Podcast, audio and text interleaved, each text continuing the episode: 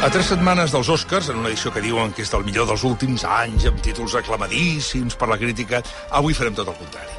Les pitjors pel·lícules de l'any. De fet, poc abans dels Oscars també coneixerem els Premis Razzi, que des de fa des de fa més de 40 anys s'encarreguen de designar les produccions de cine de pitjor qualitat, no? Ja que ens posem en aquest fangar, hem volgut fer-ho gros. Preguntant-vos quina és per vosaltres la pel·lícula de la història que no es pot criticar però que per vosaltres us va semblar un bunyol. Aquella pel·lícula que gairebé no us atrevia a dir perquè no us agrada gent, perquè sembla que tothom li entusiasma, doncs ho podeu explicar a Twitter, confesseu-vos eh, amb l'etiqueta Cinema RAC1. Cinema RAC1 i d'aquí una estona repassem els resultats. Cinema RAC1, al Twitter. Jaume Ripoll, cofundador de Filmin, col·laborador del Món RAC1. Bon dia, Jaume. Hola, molt bon dia. Què diem, dolentes o menys inspirades?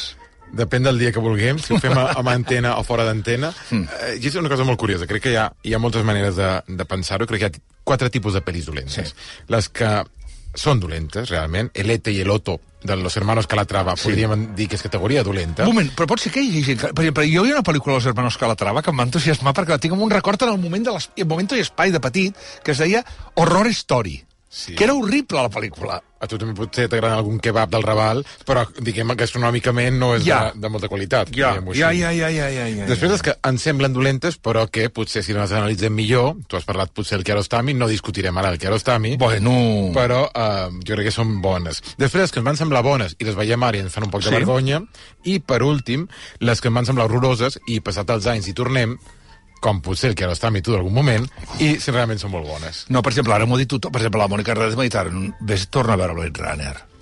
Sí, però clar, Blade Runner ja l'he- ja l'hem vista cre creiem que l'hem vist tantes vegades, potser sense haver-la vista, eh, l'hem vist a, les escenes, el musical Vangelis, al final mil vegades repetit, eh, eh, stories a TikTok... Em puc dir una altra? Sí, clar. 2001.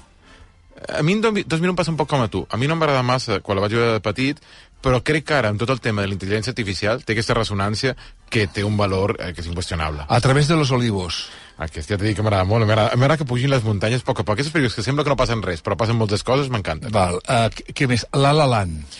Aquí podríem estar d'acord. La La Land eh, té 10 minuts bons i dues hores d'agonia.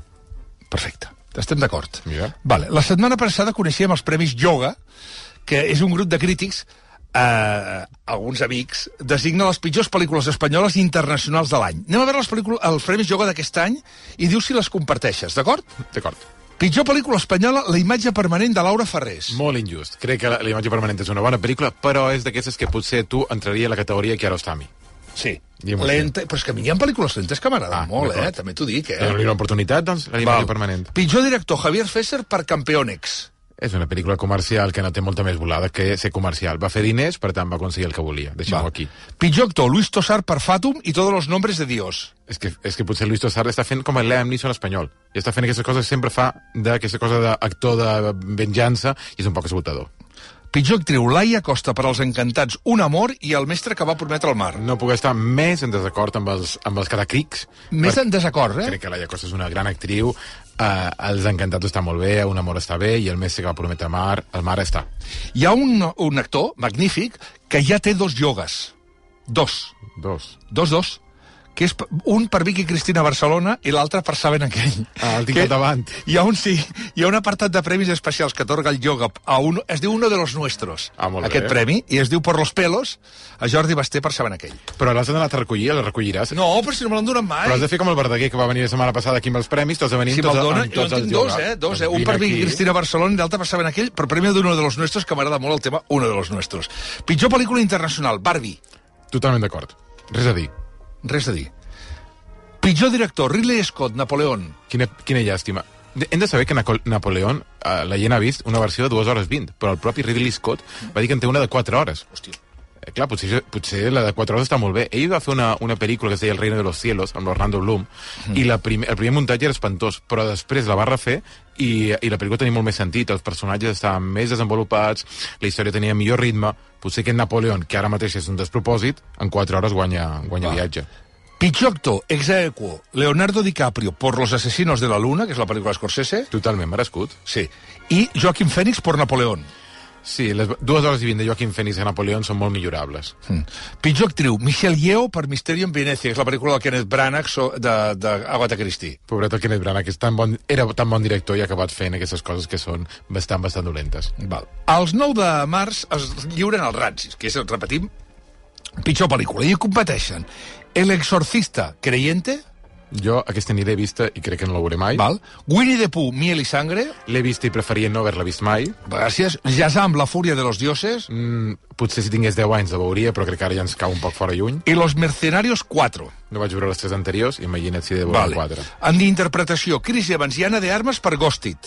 Ai, sí, l'Anna de Armas, pobreta, sí, potser s'ho mereix, no és la millor pel·lícula seva. Russell Crowe per El exorcista del papa. Um, ja us podeu imaginar com és la pel·lícula i està igual que, la, que el títol. Helen Mirren per Shazam. És on necessito diners i he de fer el que sigui per, per pagar-me la, la jubilació. I Michael Douglas per Ant-Man. Quina pena, sí. La, el Michael Douglas hauria de deixar ja de fer pel·lícules de Marvel. Déu meu. Sí. Però hi ha una cosa important, eh? Pensa que als Razzies hi ha gent... La Sandra Bullock va recollir un Razzie. I va anar a, reco- a més, té el Razzie ella a casa seva, a l'estanteria amb l'Oscar, té un Razzie. I el Paul Verhoeven també. I parlant de, de pel·lis aquestes, el Paul Verhoeven va fer Showgirls, que tenia Razzies, Sí. i ara veus Showgirls i és una pel·lícula extraordinària. No l'he vist. Ah, Showgirls és meravellosa. Repassem la teva llista amb dos títols de l'any passat. Ah, perdona, perdona. Vam demanar les teves cinc pitjors pel·lícules de l'any. Però la llista n'has posat més d'aquest 2024 que de l'any passat. Per tant, et pinta que aquest any serà pitjor? Jo crec que sí, serà, ha començat malament, per tant, eh, crec que si agafem carrerilla potser acabarem malament aquest 24. Vale, però comencem amb l'any passat. La primera és The Flash. You could travel back in time. No sortia la Maribel Verdú? sortia la Maribel Verdú, va ser un rodatge d'aquests caòtics, és l'exemple del desastre en el que estan visquent ara les pel·lícules de superherois. The Flash era tot el que podia sortir malament, va sortir malament.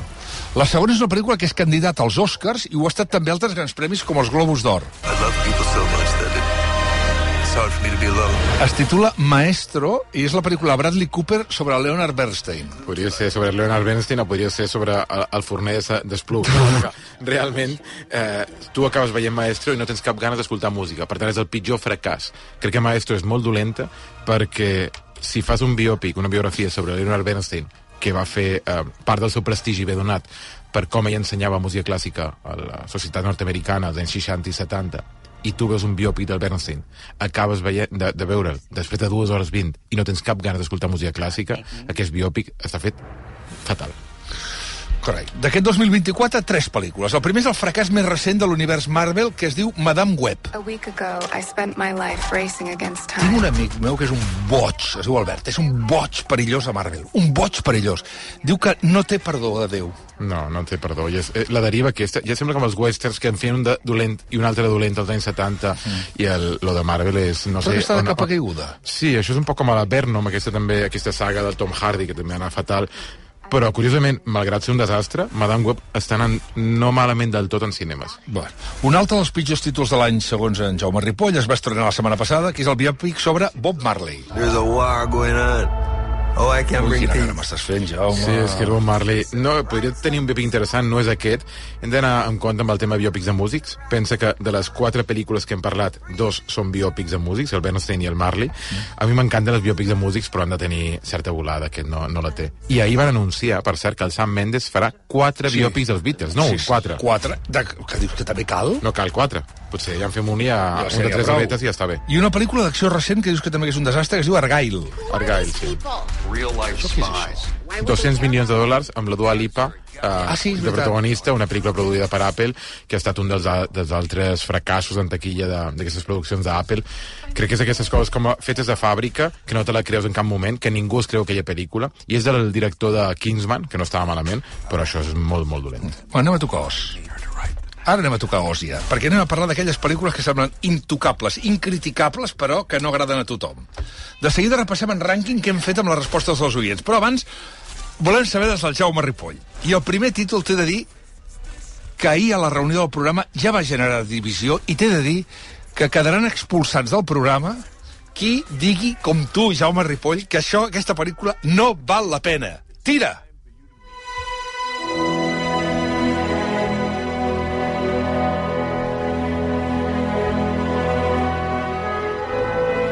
Jo no l'havia vist mai.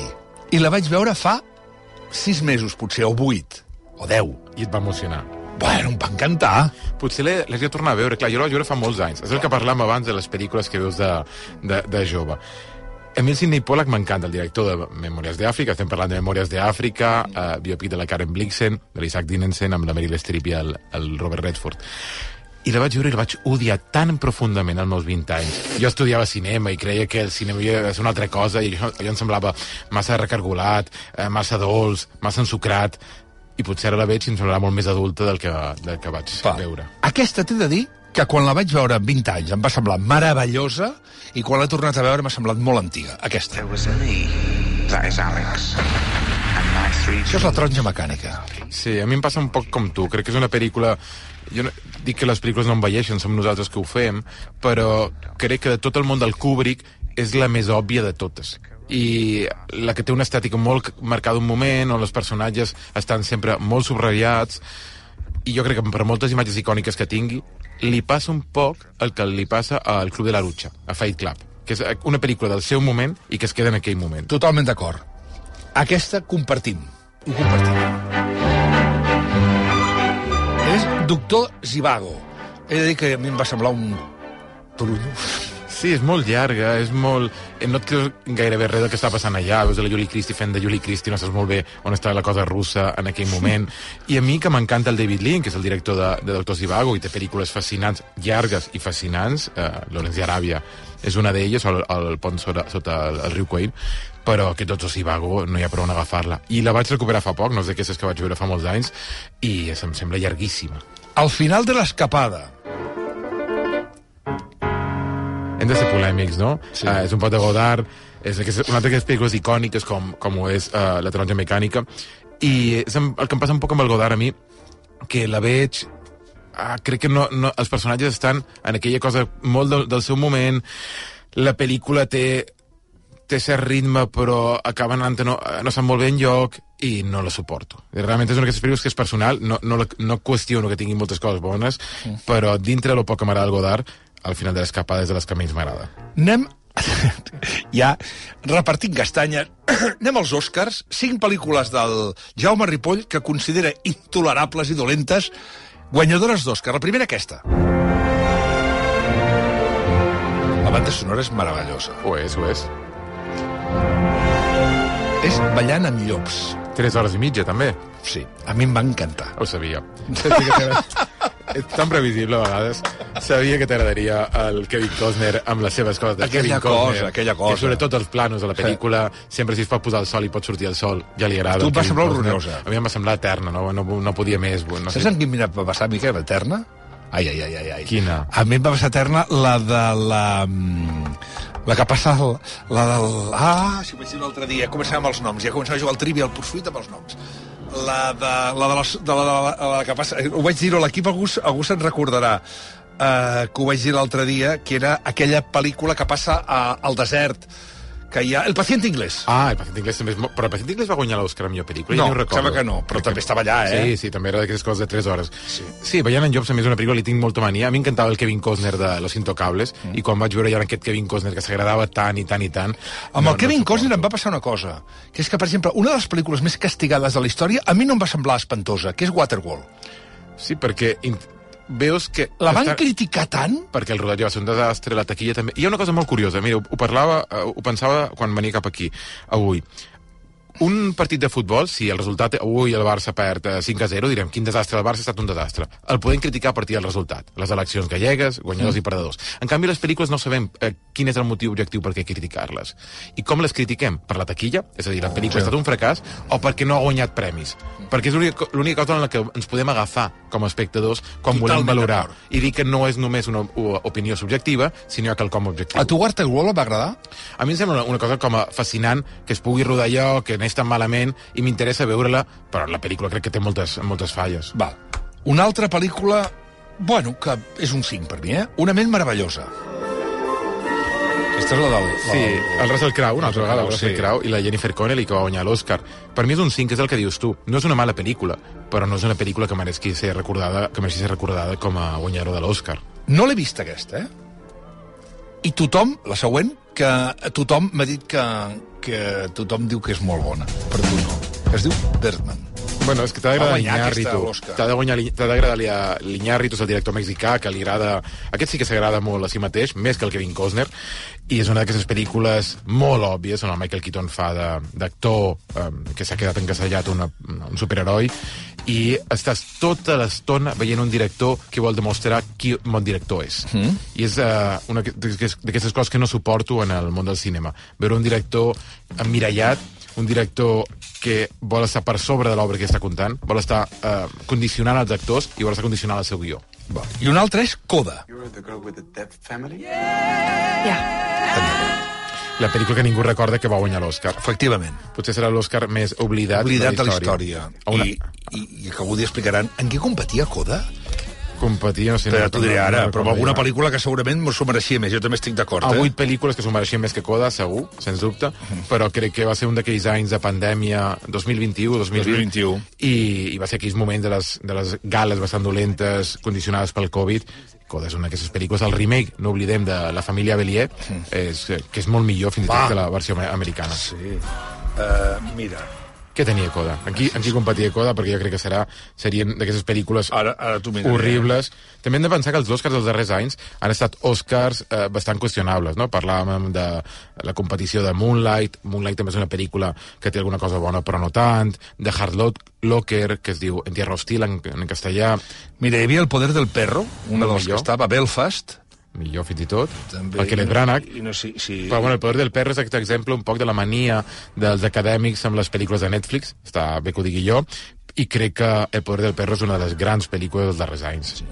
Bueno, escolta, anem als oients. Eh... Hi, ha, hi ha molta participació a través de l'etiqueta Cinema RAC1 a Twitter i per això hem fet un rànquing de les cinc més citades.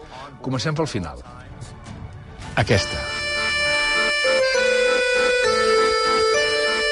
Jo crec que la gent li té Amélie. mania, la gent li té mania per, per recordió, per la música que està al Jan Tiersen i, i, i per tot per tots els imitadors. El que et passa a amb Blade Runner, crec que li passa a la gent amb Amelie. Jo Amelie no l'he tornada a veure des de fa 25 anys, no sé quants anys fa. No l'he vist. No l'has vist? No. Potser no passarà res. I la gent li té poc record. Potser en algun moment la recuperarà i la trobarem amb certa nostàlgia i certa, certa estima. No em va interessar gens tampoc aquesta quarta... Jo també diria que... Bueno, no em va interessar, és que, és que si dius de què va no en tinc ni idea. Però que és un, ha estat un fenomen de la història del cine, que es diu Avatar. El tema d'Avatar és que no només és un fenomen d'una, és que n'hi ha dues i el Cameron amenaça que n'hi hagi 4, 5, 6 i 7. A mi Avatar em sembla avorrida la primera, molt avorrida la segona i crec que la tercera ja no hi ha res. Ja no, ja no li dones l'opció. I és, fe- és, cu- és curiós aquest fenomen. Avatar, la 1 i la, tre- la 2, són dues de les tres pel·lícules més taquilleres de la història Sí. i penso que el fenomen social d'imita- d'imitadors no hi és. O sigui, els, els, em, els, els Vengadors de Marvel, to, tothom els imita, en canvi ningú parla d'Avatar, no, vem- no veus les freses d'Avatar, no veus referents d'Avatar al cinema. Anem al podi, pels oients del món RQ. En tercera posició de pel·lícula que no li agrada carat, un fenomen molt popular recent a casa nostra, que és Alcarràs. Si el sol fos Això és molt català, també, jornaler... eh? Sí, és, ha tingut massa èxit i ara no volem que la Carla Simón... No és tan bona la Carla Simón, Ah, eh? exacte, No es, sí. mereix, no es mereix que li vegi tan bé, no es mereix que... Estimats, és molt difícil fer el que va fer la Carla Simón al Carràs. És molt difícil dirigir eh, els actors com els va dirigir, construir un món que sembla eh, real, natural, i és un, tot un artefacte de ficció, amb diàlegs. A mi em sembla una pel·lícula que està molt bé, que parla precisament d'un tema que avui, avui mateix, és, eh, se'n se'n pot fer ressò, i hem de celebrar i elogiar la Carla Simón, que, de fet, és molt més difícil el que fa ella que el que feia, per exemple, el Russell Crowe i el Ron Howard a Una ment meravellosa. Uh, medalla de plata. Els clàssics intocables que menys agraden als oients, que és... Aquesta sí que no estic gens d'acord. Titanic. És una pel·lícula que és de les típiques com que era Leonardo DiCaprio, tot estupendo, i la Kate Winslet, tot estupendo, i el, i el James Cameron de director, que era una llenapistes i tal. Allò que la gent la... Efectes especials... I la Celine Dion. I aquesta Ah, cançó sí, de Celine Dion, Dion, això sí. l'hem escoltat tantes vegades, que és la Com manera... res. És el camí més curt per odiar Titanic. La cançó de la Celine, uh, de la Celine Dion. Crec que Titanic és una molt bona pel·lícula, que és d'aquestes obres molt llargues, dura gairebé 3 hores, però que té un ritme impressionant. Està molt ben desenvolupada. Els personatges, fins i tot els secundaris, estan bé. Que és una pel·lícula que és un poc cursi. Sí, ho és, però és una pel·lícula que vol arribar al gran públic. Per tant, això li hem de perdonar. I és una pel·lícula que també té el mèrit que malgrat saber el final, ha estat tota la pel·lícula creient que aquell final no succeirà. Tu totalment d'acord. Això és mèrit del creador, del guionista i dels actors. Totalment d'acord. Penses, no acabarà així. No, no gran. Això està molt bé. I quan la tornes a veure, Tornes a pensar el mateix, totalment d'acord. I la pel·lícula més citada, medalla d'or pels oients del món RQ, de El trunyo més gran de... Jo estic d'acord, eh? potser ets tu també, que has votat moltes vegades, no? Aquesta. Primer que la cançó és insufrible. Entre, la- eh, entre la Celine Dion i aquesta cançó, quina, quina, quina odies més? Bueno, n'hi ha una que te'n diria una tercera de cinema que l'odio encara més que aquestes dues, que és la d'Agost, la del Writers Brothers, Ningú se'n recorda d'Agost, eh, perquè Agost podria estar aquí també, perfectament. al també, també, la cançó aquella era insuportable. I aquesta, em sembla que primer que la del cotxe és del començament és molt millor, Sí. i hi ha una altra que es diu Something in the Crowd, alguna cosa així, que és molt millor que aquesta, que és el Ryan Gosling fent sucre. Jo la, els cotxes del principi sempre recordé aquell gran número de Polònia, que em sembla tan fascinant com la pròpia, com la pròpia cançó.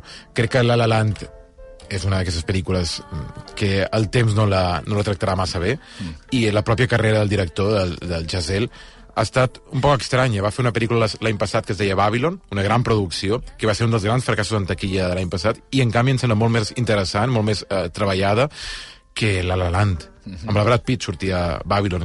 Recomano als oients que la recuperin. Atenció que hi ha molta gent que... que um, hi ha oients eh, que diuen quines... Hi ha... Les xarxes estan allà bullint, Sí, bueno, no? hi ha, hi ha alguna que diu... Les, eh, hi ha alguna que diu... que dius que ens sorprèn, la vida és vella. La vida és bella... Ui, jo odio la vida és bella. Mira, la vida és En bella... sèrio? Sí, no suporto la vida és bella. Mira, Què d'aquestes dius? pel·lícules que no suporto. Em sembla tan manipuladora. Uh, Home, ja. No, no, però manipuladora de malament. És com el nen del, del pijama uh, Retches, Sí, sí, igual, sí, sí, sí. el mateix. En aquesta categoria de pel·lícula que detesto, aquestes dues. Los puentes de Madison, diu alguns. No, eh, no. Los Puentes de Madison... Mira, el Jordi ha dit una que... bastant. I la, la, la meva ex no, no, no, em mata. Lost in Translation. Lost in Translation. Oh, la, el meu equip és entusiasta de Lost in Ja Translation. ho sé, ja ho sé, és que, és que l'he de tornar a veure, l'he de donar una opció. La Sofia Coppola, que més ara ha estrenat la seva darrera pel·lícula, que es diu Priscilla. El árbol de la vida, la del Terrence Malick. Estic totalment d'acord.